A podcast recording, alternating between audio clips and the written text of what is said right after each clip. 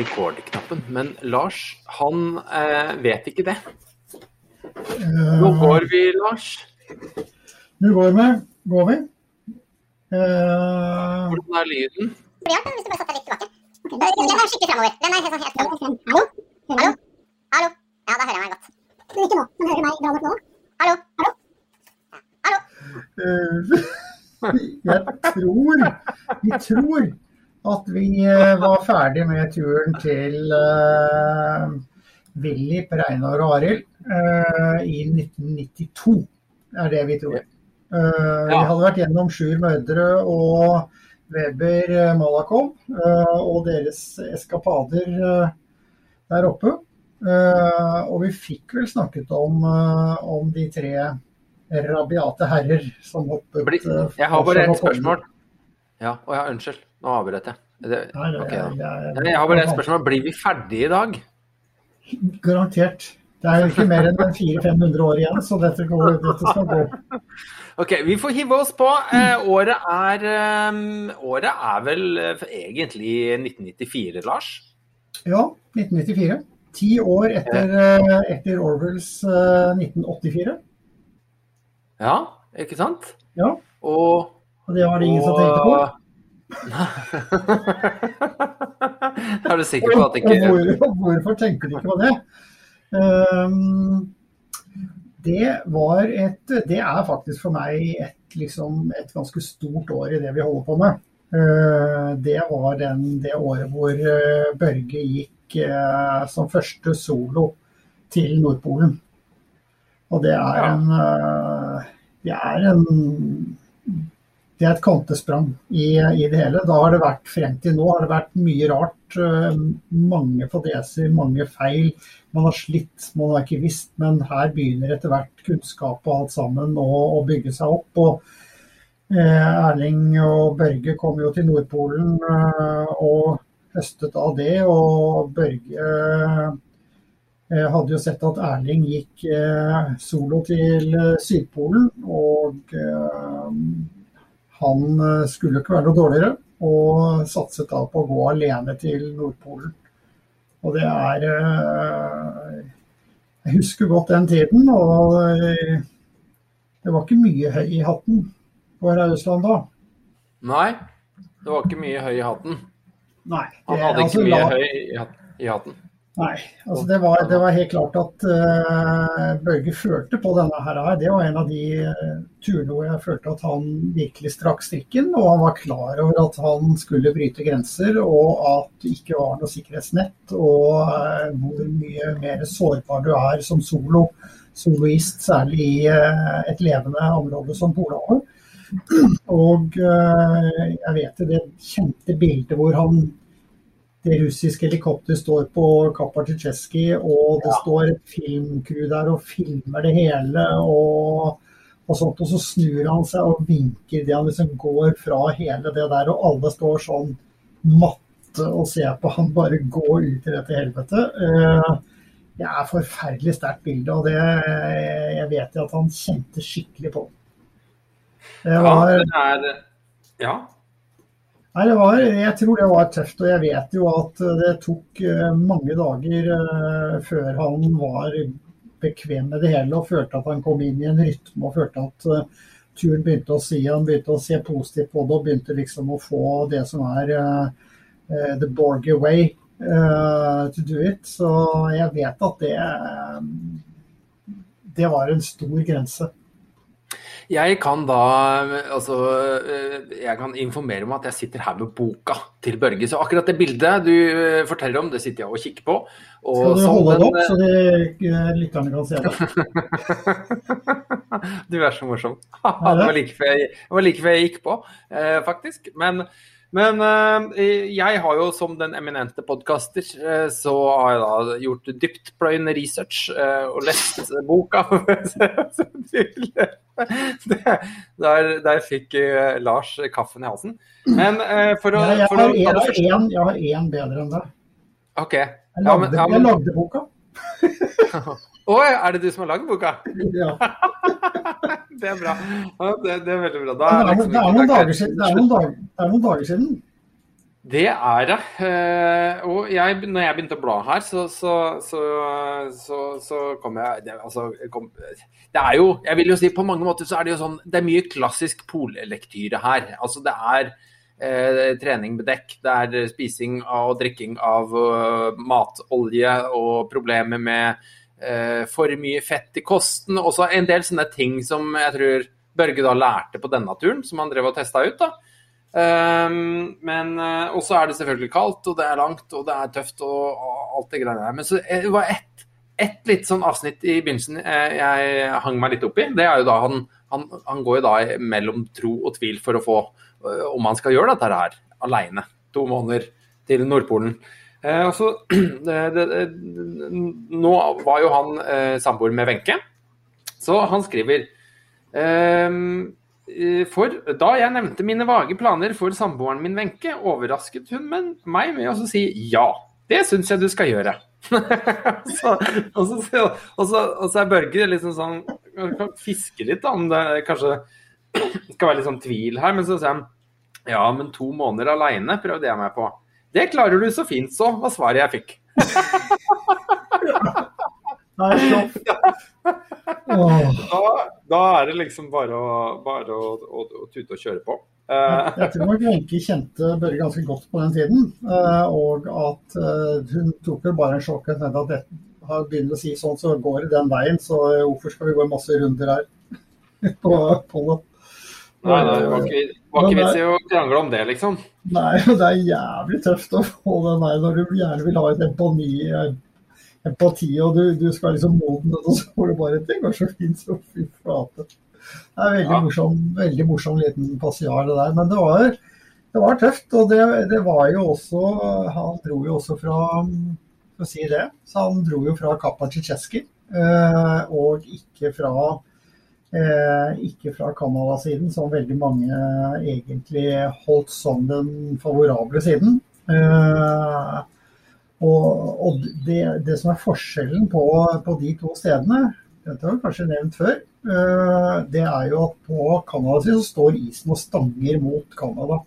Og den er veldig tett, veldig vill, veldig vanskelig å komme gjennom, men det er i hvert fall is. På Kappa Titeske så er det litt sånn Polstrømmen kommer da fra eh, fra øst mot vest og fyker forbi. Det er litt sånn, eh, litt sånn tørketrommel, så du må liksom eller karusell, så du hiver deg på, og så håper du liksom at det både er vann og at det er sikker is de første 20-30-40 km til liksom du er inne på drivisen uh, ordentlig. Og det er et ekstremt skummelt uh, område. Men du har den fordelen at du har noe mer, det er noe lenger enn Canada. Og så er det, hvis du er heldig, noe mer drift i, i riktig retning enn det er fra Canada. Det er, eh, det, er- det er helt riktig, kan jeg si da. Takk. Ingen kommentar, ingen, ingen ytterligere kommentarer nødvendig. Du, jeg, altså tenkte, eh, vi kan jo hoppe sånn, vi kan jo ikke gå gjennom hele utstyrslista. Det er jo mye ganske normalt her. Men så eh, litt på det tekniske, så, så gjorde jo Børge litt nye varianter her. Og eh, for det første så hadde han jo en Argos-sender. Det er jo en mye omtalt eh, eh, duppedings fra gamle dager eh, på denne tida. Hva er all denne lyden? Og det regner. Jeg skal lukke vinduet. Altså, når jeg, Lars, har gått på soverommet med veggklokka mi, så må jo du uh, høre at det regner ute. Nei, men da fikk vi avklart den. Um, jeg, eh, jo, jo, vi har faktisk eh, lyttere som er fremdeles i harnisk over dårlig lyd. Eh, ja, men det er derfor, vi, det er derfor jeg tenker altså Hvis vi hadde fiksa den dårlige lyden, så hadde, hadde de bare funnet noe annet å klage på. Så det er mye bedre at de klager på uh, dårlig lyd enn dårlige podkastverter. Ja, det gjør litt spesielt dårlig lyd, så da henger de seg ikke så opp i de historiske detaljene. Så, så vi slipper mer unna. Nei, men nå skal du høre. Eh, nå skal jeg fortelle om eh, det Børge hadde med av teknisk utstyr på denne turen. Eh, jeg skal ikke ta alt. Men eh, det som han har skrevet litt om, det er jo altså eh, vel om eh, å nevne her Altså, han har jo Max er jo kommet til verden. Han har jo blitt noen år. Så Børge drar som en pappa til smått, småtting Max ut på polisen. Og, det, og da har han sikkert tenkt litt sånn Hva for noe? Nei, nei, ikke noe. Bare snakk, du. Men Nå er du veldig Nå er det veldig dårlig flyt i deg i dag, Gunnar. Nå, nå snakker du, da må jeg ikke lov til å snu meg litt. Det er jo så kjedelig når du snakker. Ja, jeg veit. OK. ok, vi, vi, vi skal, okay. Jeg begynner på nytt, jeg. Da skal jeg i hvert fall eh, ta en liten Jeg klarer ikke å konsentrere meg, Lars. Ok, jeg Jeg, Lars, jeg klarer ikke å konsentrere jeg ikke har, jeg ikke har publikum? Du Jeg må ha publikum. Ja, men da, da, ja, men da. Nå er jeg så spent på hva du skal si, gammel. Eh, OK, vi prøver på nytt igjen. jeg føler Eh, kanskje at du river den turen til Børge litt i filler på den måten her. Ja, OK, beklager hvis det er litt sånn hvis han føler det er litt blasfemi kanskje her nå med å tulle for mye. Men eh, vi eh, jeg, skulle i gang å fortelle om det tekniske. Og, eh, og da er det denne berømmelige Argos-senderen. Det er jo en litt sånn gammeldags type nødpeilesender. Eller det var vel en nødpeilesender, egentlig. Som gikk på sånn forhåndsprogrammerte meldinger. Og så er det en nødknapp som da går via eh, redningsnett og, og, og ja, og faktisk over i telefonsystemet, skriver han her. Eh, Men så hadde han med en radio, det, og da kunne han faktisk prate med folk. Og det var vel sikkert eh, en litt sånn trygghet å ha med. Så han hadde en kontakt på Svalbard for å da formidle informasjon videre til sponsorer og presse osv. Men Lars, vet du hva han hadde med? Han hadde med, hei, han hadde med denne berømmelige eh, eh, tingen, nyoppfinnelsen, som ble kalt Walkman. Som eh, antageligvis halvparten av våre lyttere ikke har sett eller hørt om noen gang. Eh, men det er da en Hva vil du si? Det er en bærbar platespiller? Nei, båndopptaker.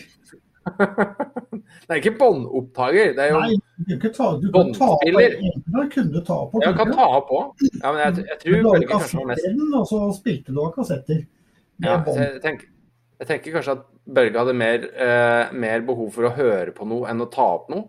Jeg tror helt I hvert fall, så skriver han, og Det er en mye sånn tyngre, mye tyngre enn du kunne ta opp med. Ja, og så går det på vanlige A-batterier, og det er jo egentlig en sånn fordel i turverdenen. Altså alle sånne duppedingser som skal lades opp på alle mulige måter. Eh, Men det er mye enklere å egentlig ha med ekstra A-batterier. Så det, sånn var jo den gule Walkmanen.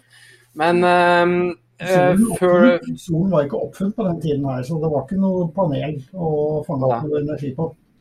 solen eller stolen? Solen. Det var ikke noe solcellepanel og sånt. Så, Det var ikke noe, det var ikke noe stolcellepanel heller. nei, Nei nei, det var litt tørr humor, for så vidt. Men, men, men, men eh, det som slår meg, for jeg, leste litt videre, så apropos det der å ta, ta opp altså Børge hadde ikke så mye å ta opp, tror jeg. for han han skriver Altså, jeg er sånn kronisk prate med meg sjøl-fyr. Eh, kanskje ikke så høylytt eh, når jeg er aleine på tur, men jo, jeg tror jeg går og prater mye høylytt. Men det skriver han Børge skriver eksplisitt her. Jeg snakket aldri med meg selv, og savnet heller ikke noen å prate med. Er ikke det litt sånn eh, Er ikke det litt sånn maskinaktig, liksom? Altså, jeg, jeg pratet aldri med meg selv, og jeg savnet heller ingen å prate med. Nei, ok. Nei. Det er kanskje en grunn til at mannen går der ute, tenker jeg da. ja, altså det, det Man kan jo analysere den hvilken vei man vil.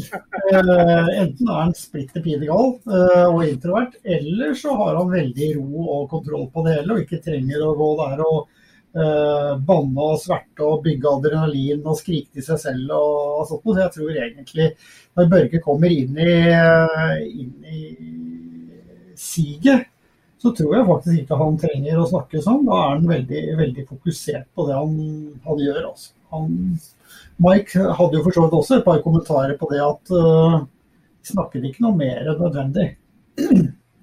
Nei. selv i teltet. Nei, nei. De satt der i hver sin ende av teltet, og uh, det, andre, det, det andre i andre enden satt et verktøy. En maskin og et verktøy. Men jeg, i boka her da, så syns jeg var sånn der, det som sammenfatter det litt sånn for sånne pol polarnerder. altså det er, Her er det liksom både etappelengdene og temperaturkurvene.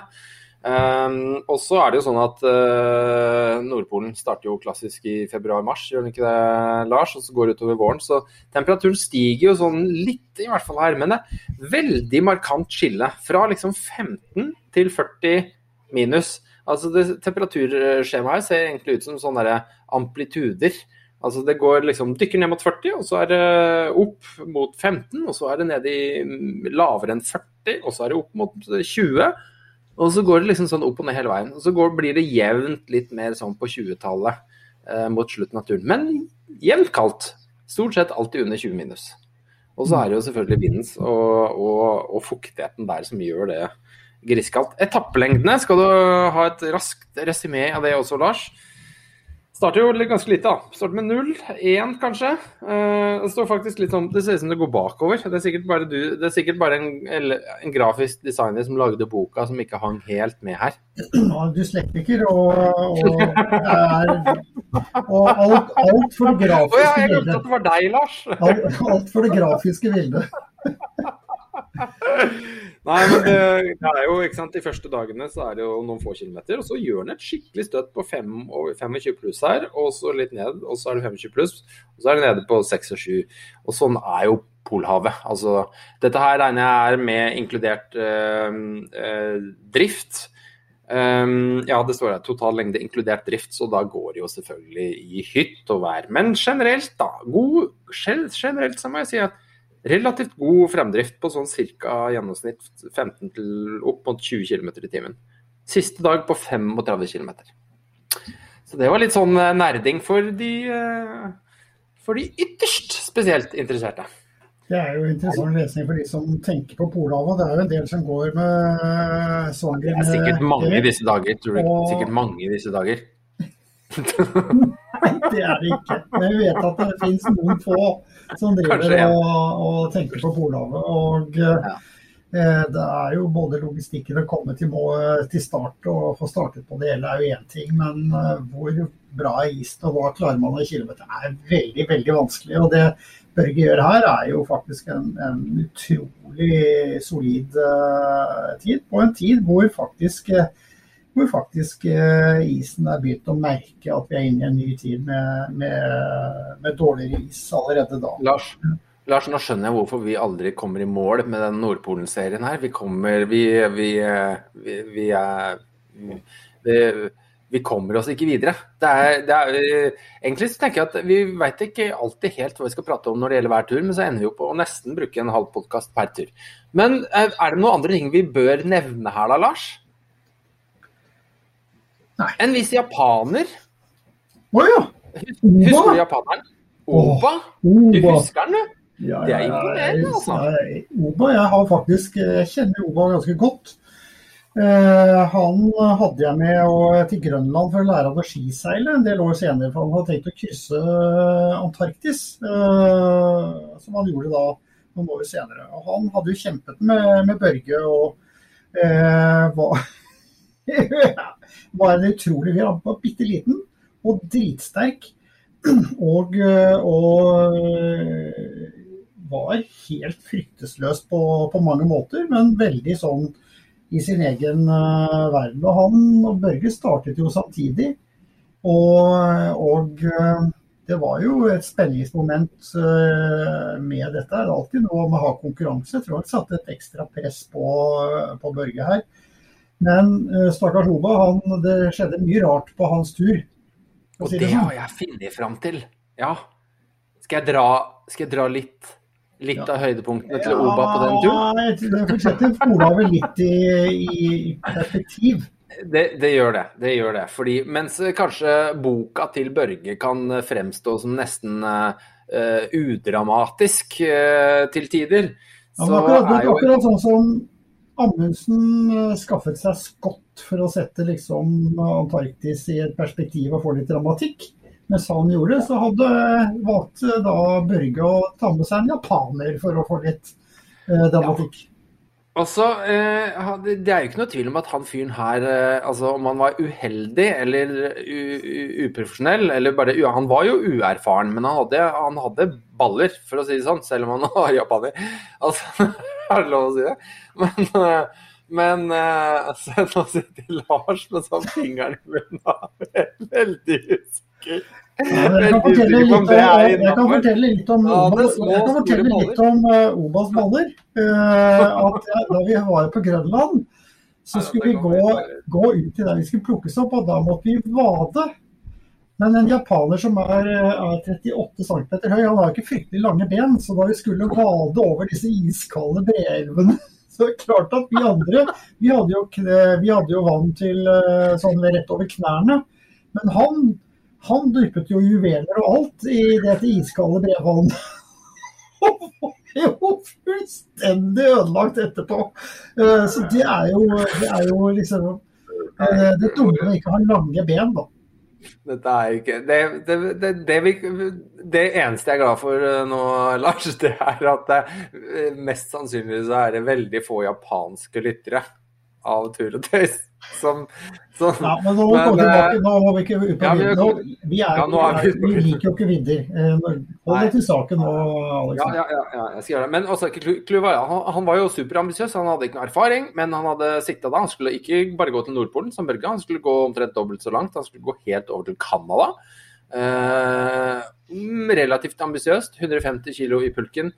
30 kilo på ryggen, tankegangen hans. Og litt sånn forfulgt av uhell. Eh, og litt interessant at han ikke hadde med gevær. Og hva er det som skjer? Jo da, det er vel sånn ca. 50-50 sjanse for å få isbjørnbesøk når du er på den her. Men han hadde da ikke med, eh, ikke med gevær. eh, eller eh, revolver. Eh, han hadde med en hjemmelagd isbjørnspray. Eh, og hva er det som skjer? Jo, han får da besøk av isbjørn på natterstid. Det vil jeg si, det er interessant å komme unna med. Hvordan han kom unna med det, vet vel egentlig ingen. Jeg Men han- vet det. Eh, jeg trekker tilbake. Eh, hvordan han kom unna med det, vet vel eh, antageligvis ingen, bortsett fra Lars Ebbesen. OK. Altså, om jeg er jo, er jo fullstendig ja, ikke urutinert, men han, han, forteller utrolig levende om dette her isbjørnbesøket her. For da sitter han i, i teltet sitt, og så, og så kommer det en isbjørn som da spjærer teltet. Uh, og da har han jo peppersprayen. Og da bruker han den peppersprayen helt vilt. Og får jo halvparten. Noe treffer isbjørnen, og noe treffer Oba. Og han begynner å grine, og det bare blør fra hendene hans. Han er som en sånn demonstrant i Hongkong. Og, og krabler rundt i teltet og ser ikke dritt, men tror at isbjørnen er borte. Og isbjørnen er borte, og han skyller øynene og prøver å få inn litt syn. Og idet han får inn litt syn, så ser han at isbjørnen kommer tilbake og er rød i fjeset fra den peppersprayen. Så isbjørnen kommer tilbake og tror at faen, dette var jo bare krydder, for helvete. Og går og Håkon sier bare, han bare mellom tårer og bare holdt den i- sprayen med noe. Paff, paff, paff, og tømte den da bjørnen kom, kom nærmere. Og så paff, paff, paff, and, and then through the tears I saw the bear go away, and I was so happy. Sier han, så da gikk bjørnen til meg. Da satt begge to og gråt på hver sitt isflak og så ikke en dritt. Ja. Herre min hatt. Herre min hatt. Ja ja, men ok, men det, det stanser jo ikke helt uh, der, da. Fordi at uh, han klarer jo også da å miste over en råk eller noe sånt, så faller pulken uti, eller den tipper, så mister han skia sine. Ja. Det er litt interessant. Han skal gå på ski til Nordpolen, og han mister skia sine. Men han lar seg ikke stanse av det. Og eh, rett og slett fortsetter. Og hva skjer eh, da? Jo, da han er ute og svømmer en tur. Og eh, da, er jo, da, da begynner det å ligge dårlig an, da. Så han krekker kreker seg opp, kommer seg i soveposen. Eh, bruker vel opp mest, mye fuel, for å, og, og soveposen hans blir også våt. Eh, så sant, han er jo helt ute å kjøre. Men han får da og så er det litt sånn som Børge skriver i boka si òg, altså, de aller fleste her hadde jo kasta inn håndkle. Altså, du har fått isbjørn etter deg, du har mista skia dine, du har vært ute og svømt. Altså, hallo, mann. Men nei da. Vår japanske venn eh, ringer, får inn ekstra forsyninger og fortsetter. Eh, dette her blir jo Børge oppdatert på underveis, eh, så han vet jo posisjon og tilstand. eh, Og han klør seg garantert litt eh, i hodet. Men han, han må vel bare bekrefte at fyren er, om ikke stein hakket gal, så er han i hvert fall en stabbeist. Tråskinn. råskinn. Jeg tror vi fortalte det for noen ganger, men det, han husker ikke om det var denne turen, men han dro tilbake senere og fullførte. og Gikk faktisk over hele Polhavet eh, med, med etterforsyninger. Men jeg tror jeg husker jo at den turen eller den turen, så, eh, eller neste, så, så pga. alle de badingene så forfrøs han tærne. Og da han kom hjem, så måtte han amputere alle tærne. Så Oba har ingen tær. Eh, og eh, det og jeg satt igjen og traff ham liksom sånn, hvordan, hvordan, er det liksom ikke, hvordan var det å miste tærne sine? Og så sier han bare Best experience in my life, sier han. Litt sånn skjønte mannen hva jeg spurte om. Og Her er litt sånn kultur uh, ute og går. Uh, best uh, how?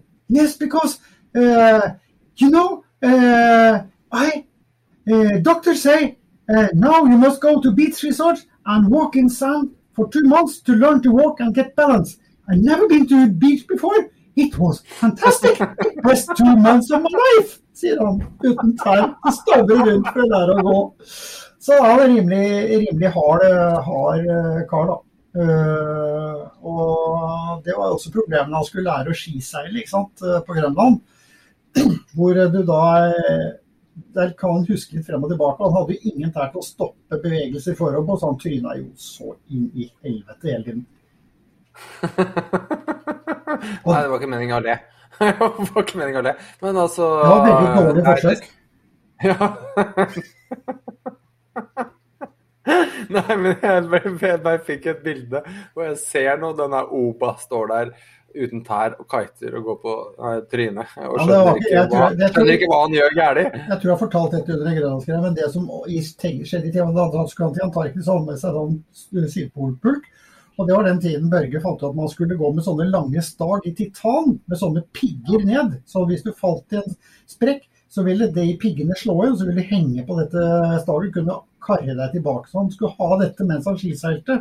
Problemet var at hver gang han tryna, som var ca. hver 200 meter, så gikk jo disse her piggene i, så han bråste.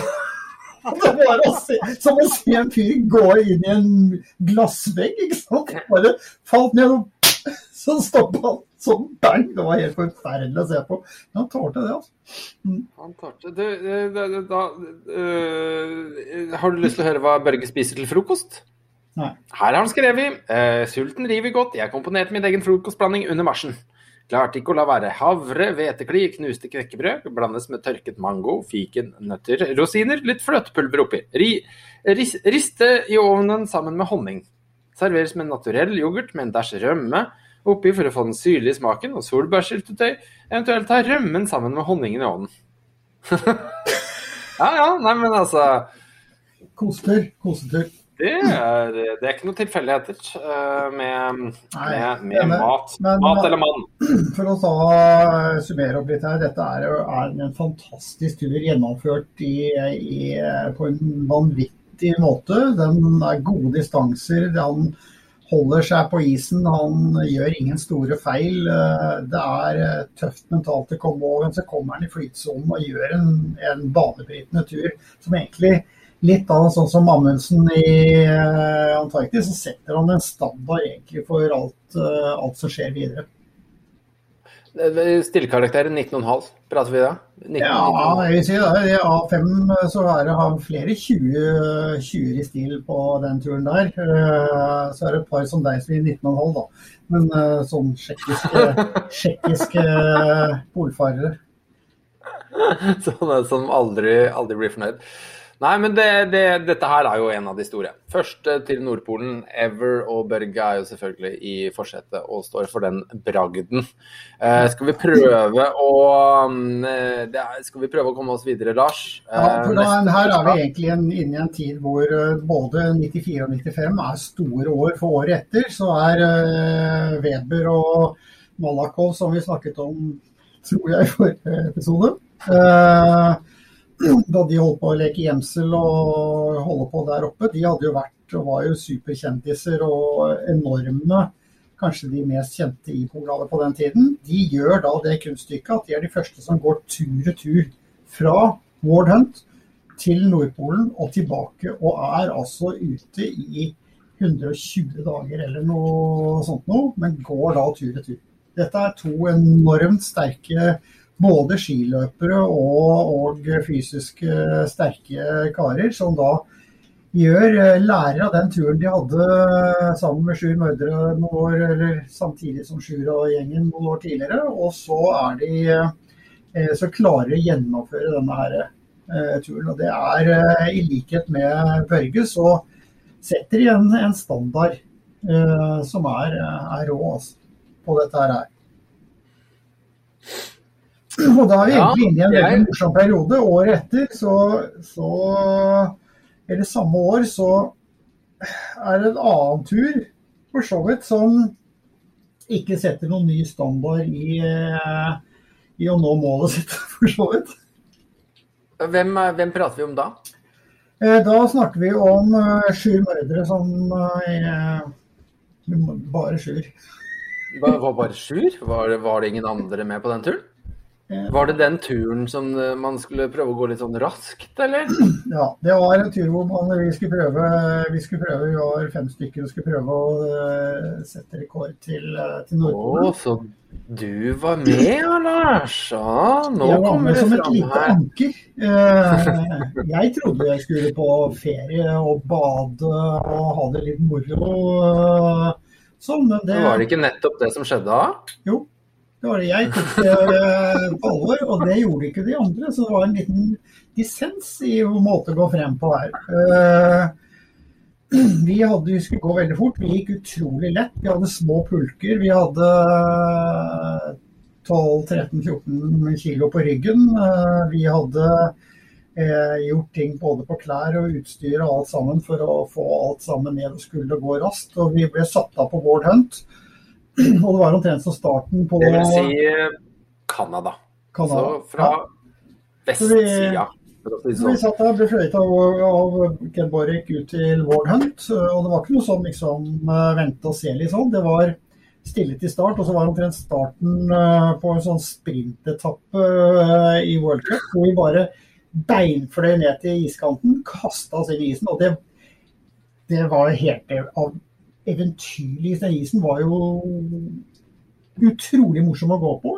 Helt vill. Det så ut som et, sånn der, et eller annet som var sprengt i filler. Eh, og, og gikk sikksakk i dette her. Ikke lett å få noe avstand. Og så kom vi til en, en rock som vi lurte på hvordan vi skulle komme rundt. Og en del gikk til høyre, og jeg gikk til venstre. og så den, eh, kom det litt is på den, gikk jeg ned på den isen og rundt et sånn koss, og så ser jeg liksom at eh, kosset ble litt og eh, den isen forsvant litt. Så skal jeg ta sånn som du gjør med staven, du hugger tre ganger for å kjenne om det er hold, og det, mm, da gikk det bare sånn plupp, sa det. Og tenkte jeg det var en veldig dårlig lyd. Og så plutselig så bare så går jeg gjennom isen med pulk og sekk og hele, hele pakka. Oi, oi, oi, oi, oi, oi. Hvor var de andre i nærheten? Var de Nei, de var på andre siden av dette lille fremspringet jeg hadde gått rundt. da. Men jeg ah, ja. ga lyd fra meg og sa at uh, det var ikke noe god is. Så de løp jo rundt og over og kom ned. Og da, da ligger du der i, i vannet, ikke sant. Uh, og så fikk jeg en arm oppå, oppå kanten. Uh, og så begynner jeg liksom å sparke av meg ski og støvler for å kunne svømme. Men da tenker jeg da er turen over. Så ligger det sånn og balanserer. Jeg hadde jo, jeg hadde jo vekt på ryggen og jeg hadde ski og staver og. Så jeg prøver hvor lenge kan jeg klare å ligge her uten liksom å miste kontrollen. Og så klarte vi det til de andre kom. Og så fikk jeg tatt av skiene og gitt dem dem, og staver og sekken. Og så fikk jeg kommet meg opp. og... Og så på pulken ble stående igjen på den tynne isen, og den fikk vi dratt opp, så, var vi, og så måtte vi da gå uh, ut for en, ikke, en halvtime videre før vi slo leir for å begynne å tørke med. Oi, oi, oi, oi.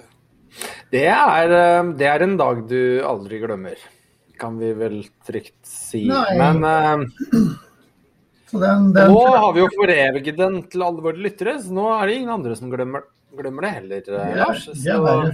Det er verre. Er. Nei, altså gjør jeg den, så, så uh, tørket jeg alt sammen og trodde alt sammen var tørt, og ikke minst disse kartankene. Men så viste jeg neste morgen så var jeg kald på føttene, og så ble jeg varm igjen. Og så ble jeg kald, og så ble jeg varm igjen, og så ble jeg kald, og så trodde jeg hadde kontroll. Og så da jeg kom inn i teltet, så viste det at det var, de kartankene var ikke tørre, så de hadde blitt fulle av is. Og det tok av meg tok av meg i sokkene, så så jeg at øh, jeg hadde fått en betydelig forfrysning på tærne. Øh, Særlig stortærne. Så, nå, så nå har det heller ikke Lars tær. Eh, jo da, jeg fikk på alle tærne mine, men det var eh, Det gikk jo fint noen dager, og så begynte det å bli verre og verre og verre. Og så måtte jeg begynne bore hull i neglene for å slippe ut puss, og så tok det ene og det andre sånn. Og ti-tolv dager senere så, så sa det stopp, rett og slett. Da, da klarte jeg Ja, det fortsatte, fortsatte så lenge, ja. Ja. Eller mange dager etterpå. Det var ikke noe sånn eh, rett ut. Det var ikke noe rett ut. Jeg var mye mer uerfaren da enn det jeg er nå. Jeg hadde aldri tillatt meg selv å fortsette. Hadde jeg kunnet det jeg ville nå. Fordi det var å spille et, høyt spill med, med, med føttene dine. Og, og kom, kom til eh, dag 11 eller 12 hva det var for noe. Og så da det var det fryktelig fryktelig vondt, og jeg klarte nesten ikke å gå. Og så gikk jeg på, og tok en ketogan sånn til lunsj, som er en sånn Ja. syntetisk morfinpille.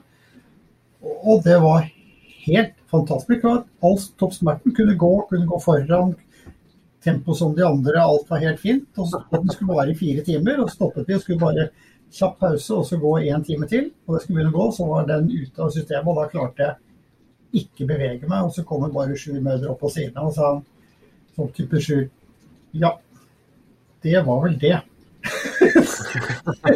og, det var det. Så ble en annen som hadde, hadde fått en muskelstrekk, eh, også fløyet ut. Og så fortsatte de andre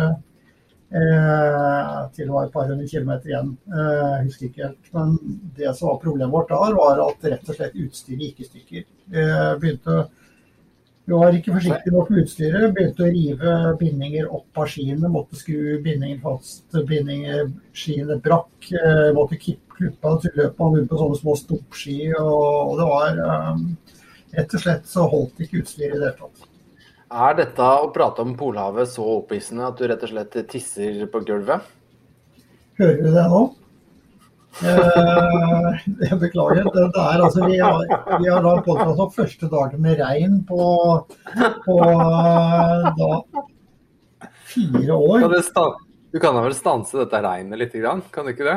Nei Ja, da. Det, det gjør ingenting. Det er jo bare stemning, dette her, Lars. Vi skulle på hatt Polhavet så er jo det med regn uh, veldig ålreit. Men det, det som var, så ble jeg fløyet inn til Canada, og så la de noe på disse greiene.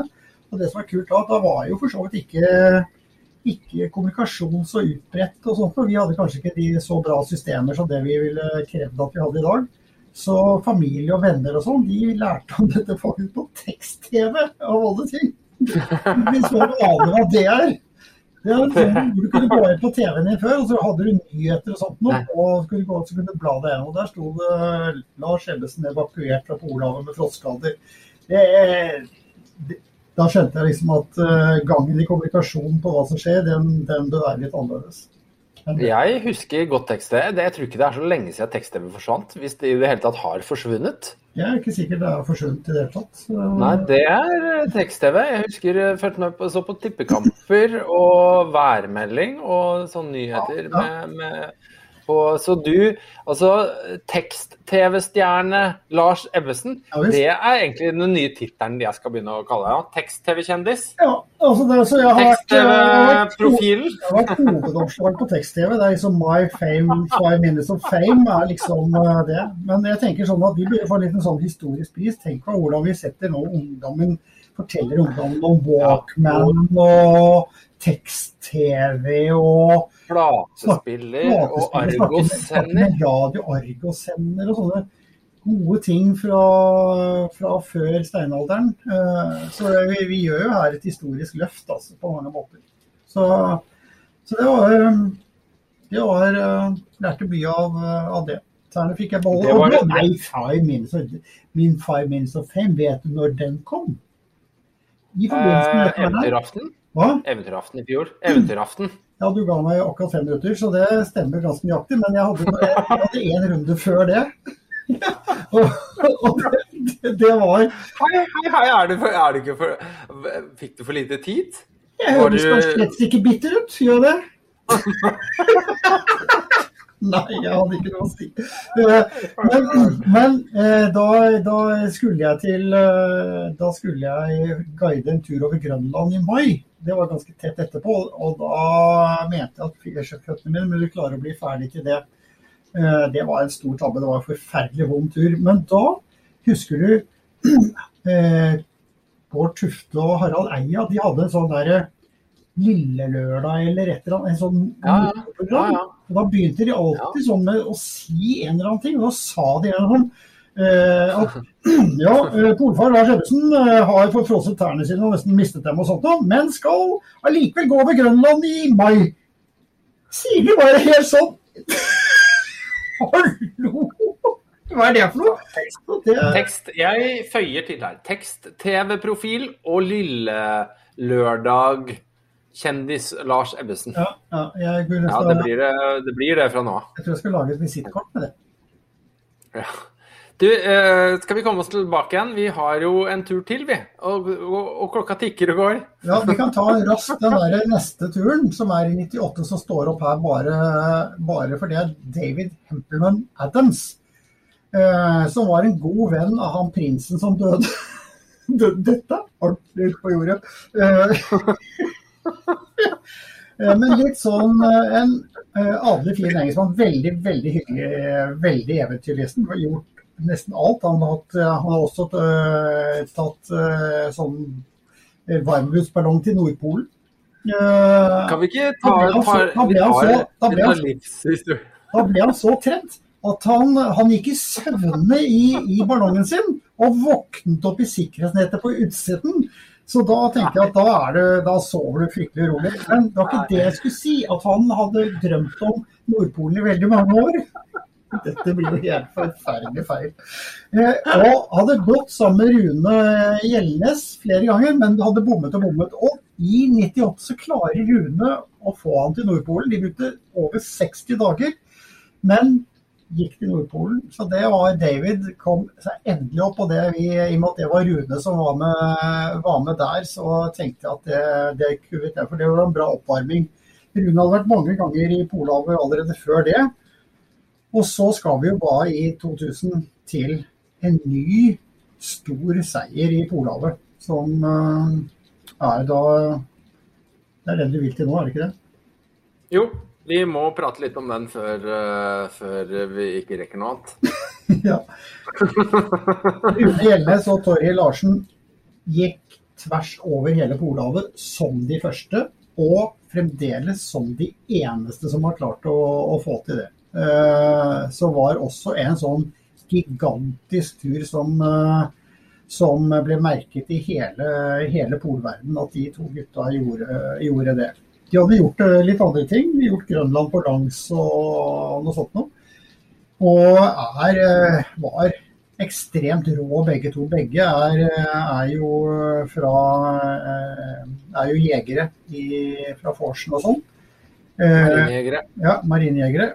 Og, og sterke, men la ut på dette her, og det var få som trodde at det skulle være mulig å gjøre. Selv om eh, Weber og Mika Malakov hadde vært frem og tilbake.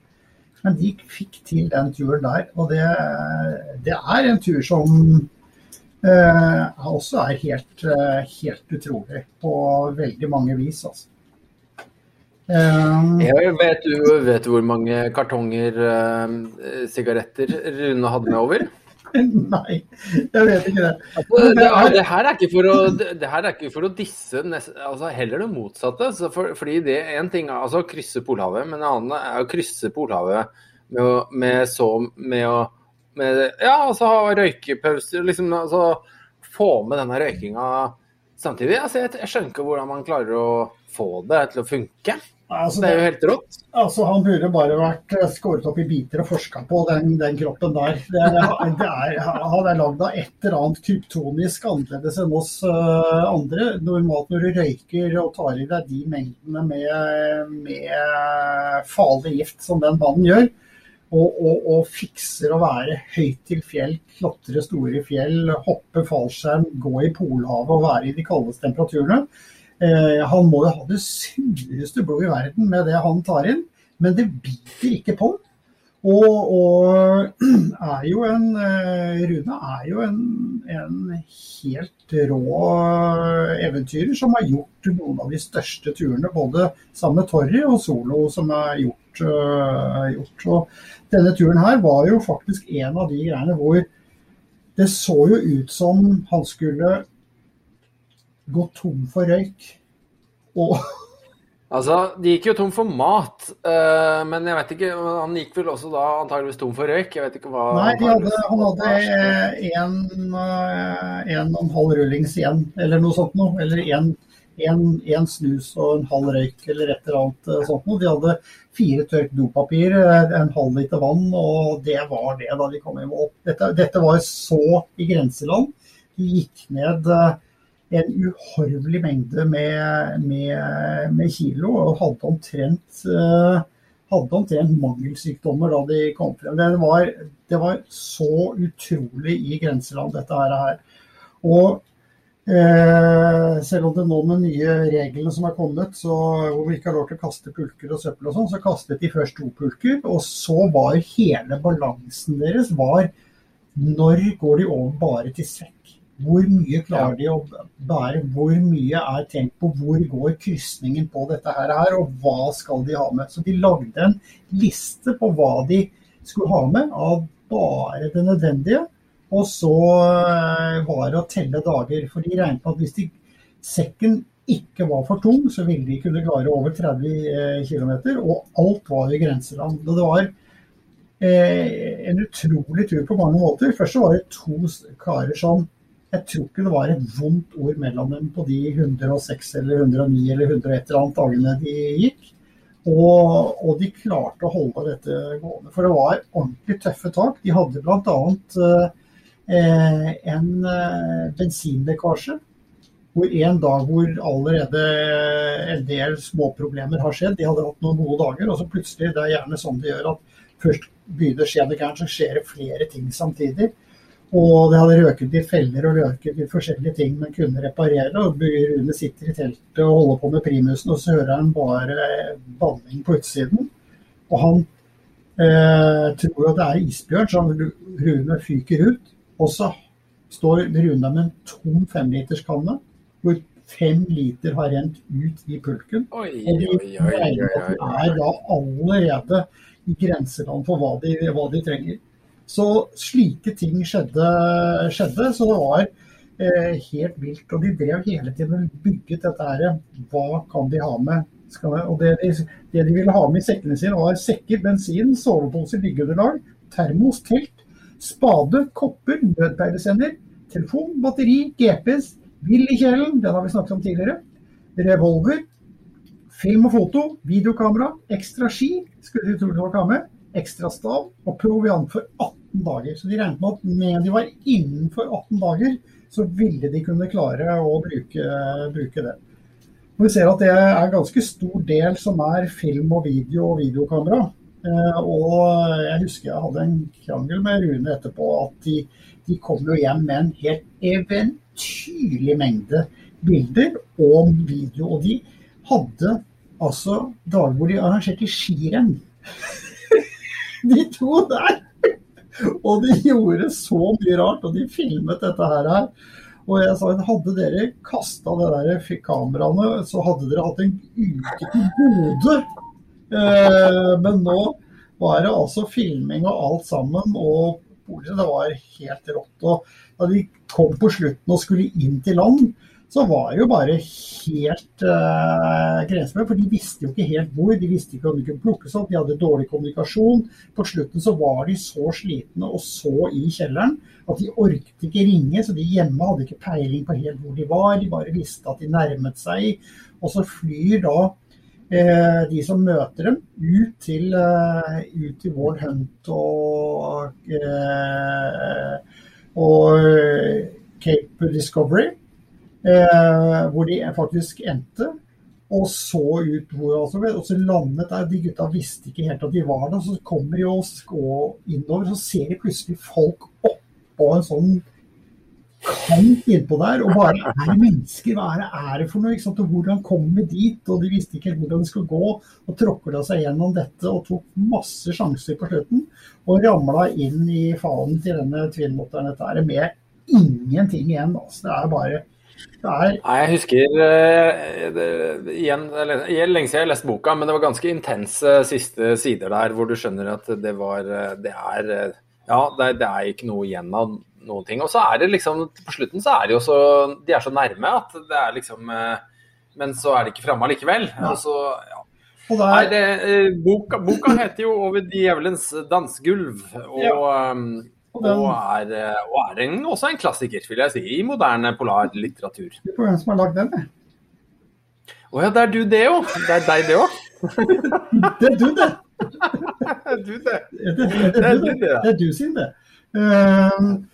Eh, eh, nei, det, er en, det er en gysere tur. Altså, fordi det, de beskriver faktisk veldig godt hvor tøft eh, det var, og hvor, henge, hvor utrolig usikre. Helt til de sto på land, så var det ikke sikkert at de skulle få det til. Og det var liksom ikke noe Twin-Otteren klarte med nød og nett på landet der inne, og det var ikke noe de andre kunne bare, bare stå på dem og se om de klarer å finne. Og det var svære råker og vanskelig is. og det var en litt sånn varm tid også, var dårlig is. og den der De virkelig sleit, og de klarte å holde. og De, de hadde sånn aha på slutten der, hvor de begynner å bli ordentlig trøtte. De orker ikke ringe, de orker ikke forklare. De bare går 12, lang, 12-14-16 timer, sover, klarer ikke ta seg inn igjen. Begynner å gå igjen, bare går og går. Og så begynner de å skjønne at de begynner å gjøre feilvurderinger eh, i det hele. At de er så slitne. De begynner å ta feil beslutninger og feil valg og sånt noe. Og alle disse tingene begynner å bli slutt på fuel, begynner å bli slutt på maten og begynner å bli slutt på røyk og Rune. Og eh, det er, eh, det er en ordentlig, ordentlig thriller. Altså, at det gikk bra, er bare helt, helt ufattelig. Så dette er en ordentlig Kjelleren-bok, altså. Da er det, er jo, da har vi faktisk klart å dekke oss inn på to eh, av de aller aller største turene som er blitt gjort i nyere tid, eh, faktisk. Det er jo veldig bra, Lars. Ja. Nå, eh, merker du hvordan jeg prøver å egentlig bare runde, prøve å runde av før vi bikker timen? Sånn at vi skal klare å komme oss videre. Sånn at vi Jeg skal ikke banke gjennom et par kjappe til nå. jo, jo, kjør på. Eh, men et par kjappe. Eh, par kjappe. Kjapp. Ja, vi har, og vi, har et par, vi har et par kjappe som vi kan ta. Ja, men, Eh, også det samme året så gikk jo Ola Skinnarmo, vår gode svenske venn med norsk bestefar, eh, gikk som største svenske til Nordpolen. Han startet sammen med Gøran Kropp, som han kanskje ikke så veldig mange husker lenger. Han var en fantastisk klatrer og var eh, på Everest eh, to ganger. Første gangen glemte han riktignok å ta bilde da han var på toppen, eh, men dro opp sammen med sin kjæreste og fridde til henne på toppen av Everest. Og første gang han var der, så syklet han til Everest og klatret Everest og syklet hjem igjen.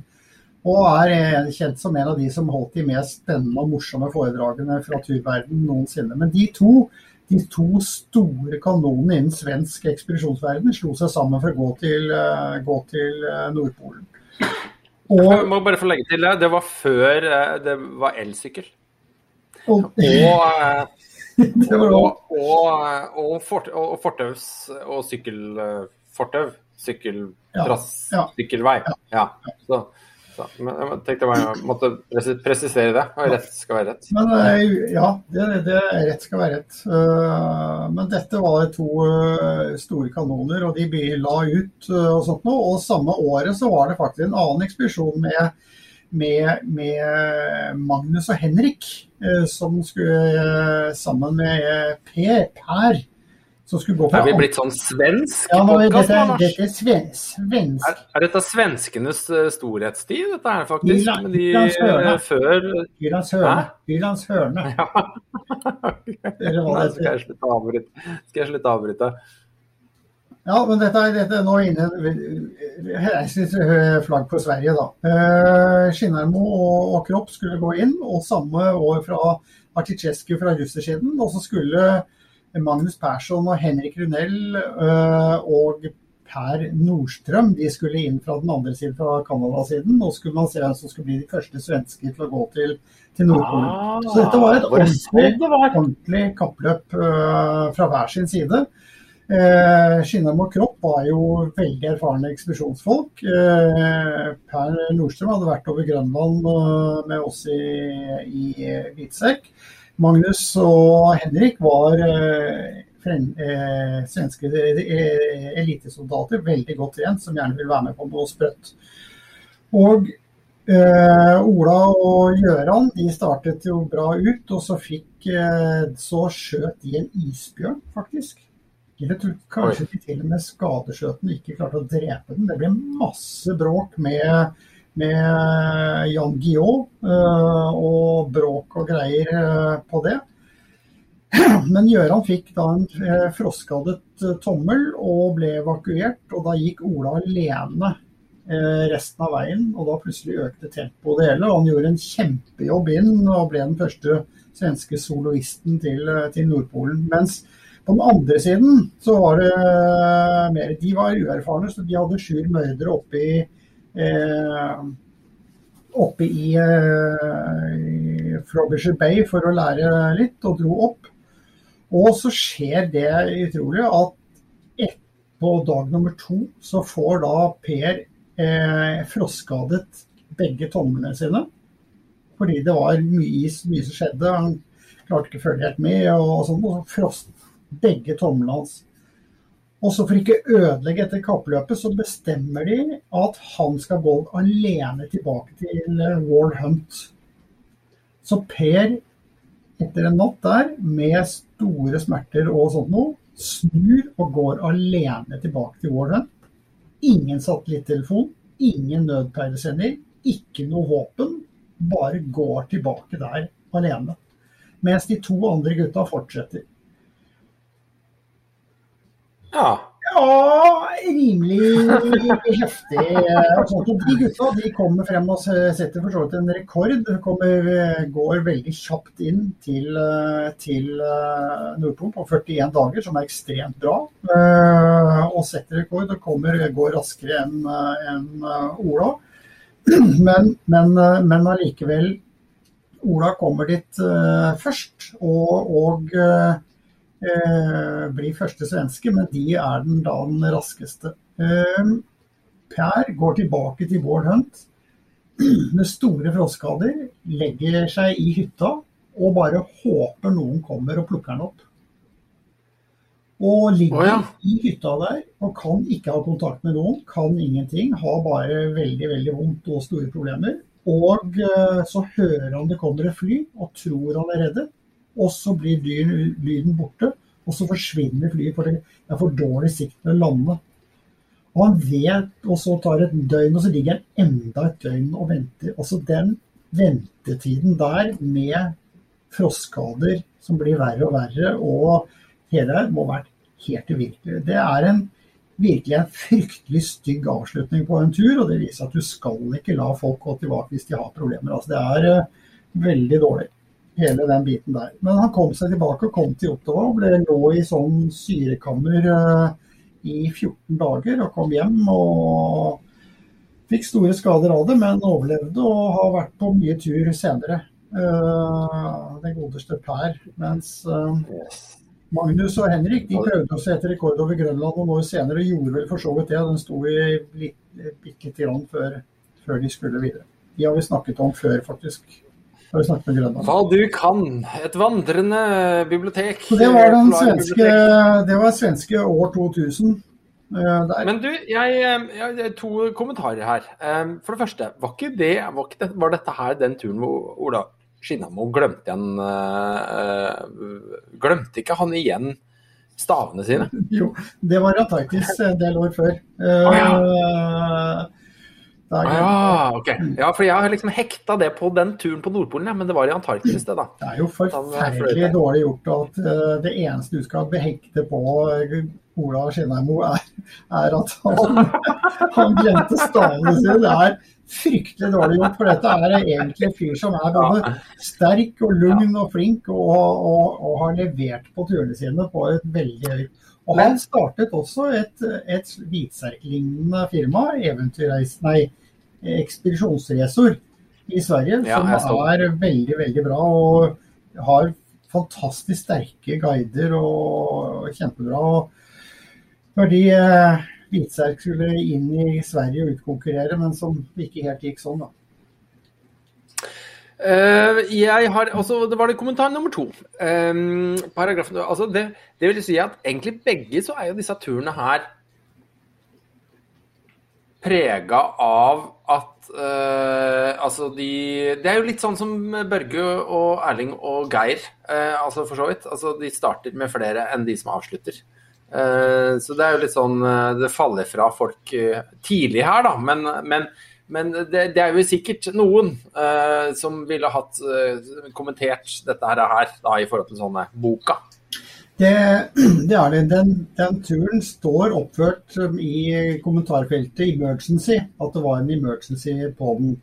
Uh, det stemmer jo for så vidt ikke, fordi i og med at han gikk tilbake til i utgangspunktet ble hentet på Ward, så det var det hvis du husker den der eh, eskapaden Weber og Malakov hadde med da de hadde med han derre eh, Bob, som prøvde å gjemme seg for ikke å bli funnet, og prøvde å gå tilbake på egen hånd for ikke ødelegge for de to gutta så de ikke skulle bli unsupportere. Så var det, det var det det det gikk på den gangen. Eh, etter bråket med Erling og, og Børge, og, og, hvor det liksom ble de ikke fikk 100% score på unsupported unsassisted, så, så, begynte folk å gå tilbake. Det var grunnen til at Per gikk tilbake, og også Bob gikk tilbake. At de ikke ville ødelegge. Da mente de det var innafor, da. Eh, men det er kanskje ikke helt innafor når det gjøres på den måten eh, der, kan du si. Nei, ja, også. Det her er jo det, det, det, er så deilig, for jeg kjenner at det, her det, det, bryr meg ikke lenger. Det bryr meg ikke lenger. Jeg har aldri kanskje vært så opptatt av det. Men, men jeg bare vet at det kommer. Jeg vet, ja, det er, jeg vet at det kommer. Det er en morsom diskusjon, for så vidt. Jeg, jeg, jeg, jeg syns at alle disse som gjør disse turene her, det er helt fantastisk. Altså, for det de vet at å levere ting i i særlig Polhavet, det, det, skal så mye vilje, det skal så mye trening. Skal, du skal så dypt i deg selv at bare å få til en tur her og gjøre en tur på en stor tur, det, det, det skal man bare applaudere. Så er det selvfølgelig litt graden av hva du oppnår og sånn, men, men, man kan ikke ta noe fra folk som gjør dette her, føler jeg. altså. Det er eh, Da, da Lars da har vi vært gjennom et solid stykke historie. Har vi. vi... Og da er du fornøyd? Ja, stans, eh, avslutte med litt svensk er jo bra. En, svensk, ja. en svenskevits. Ja, var, det var ikke noe pent. Nei.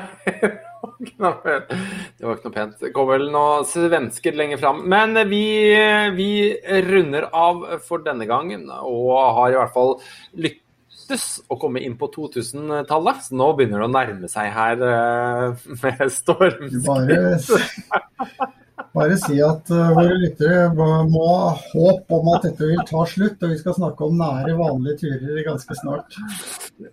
Ja, vi får håpe det. Det er sånn, uh, så kommer det 26 Nordpol-spesialer um, innen, innen tre år.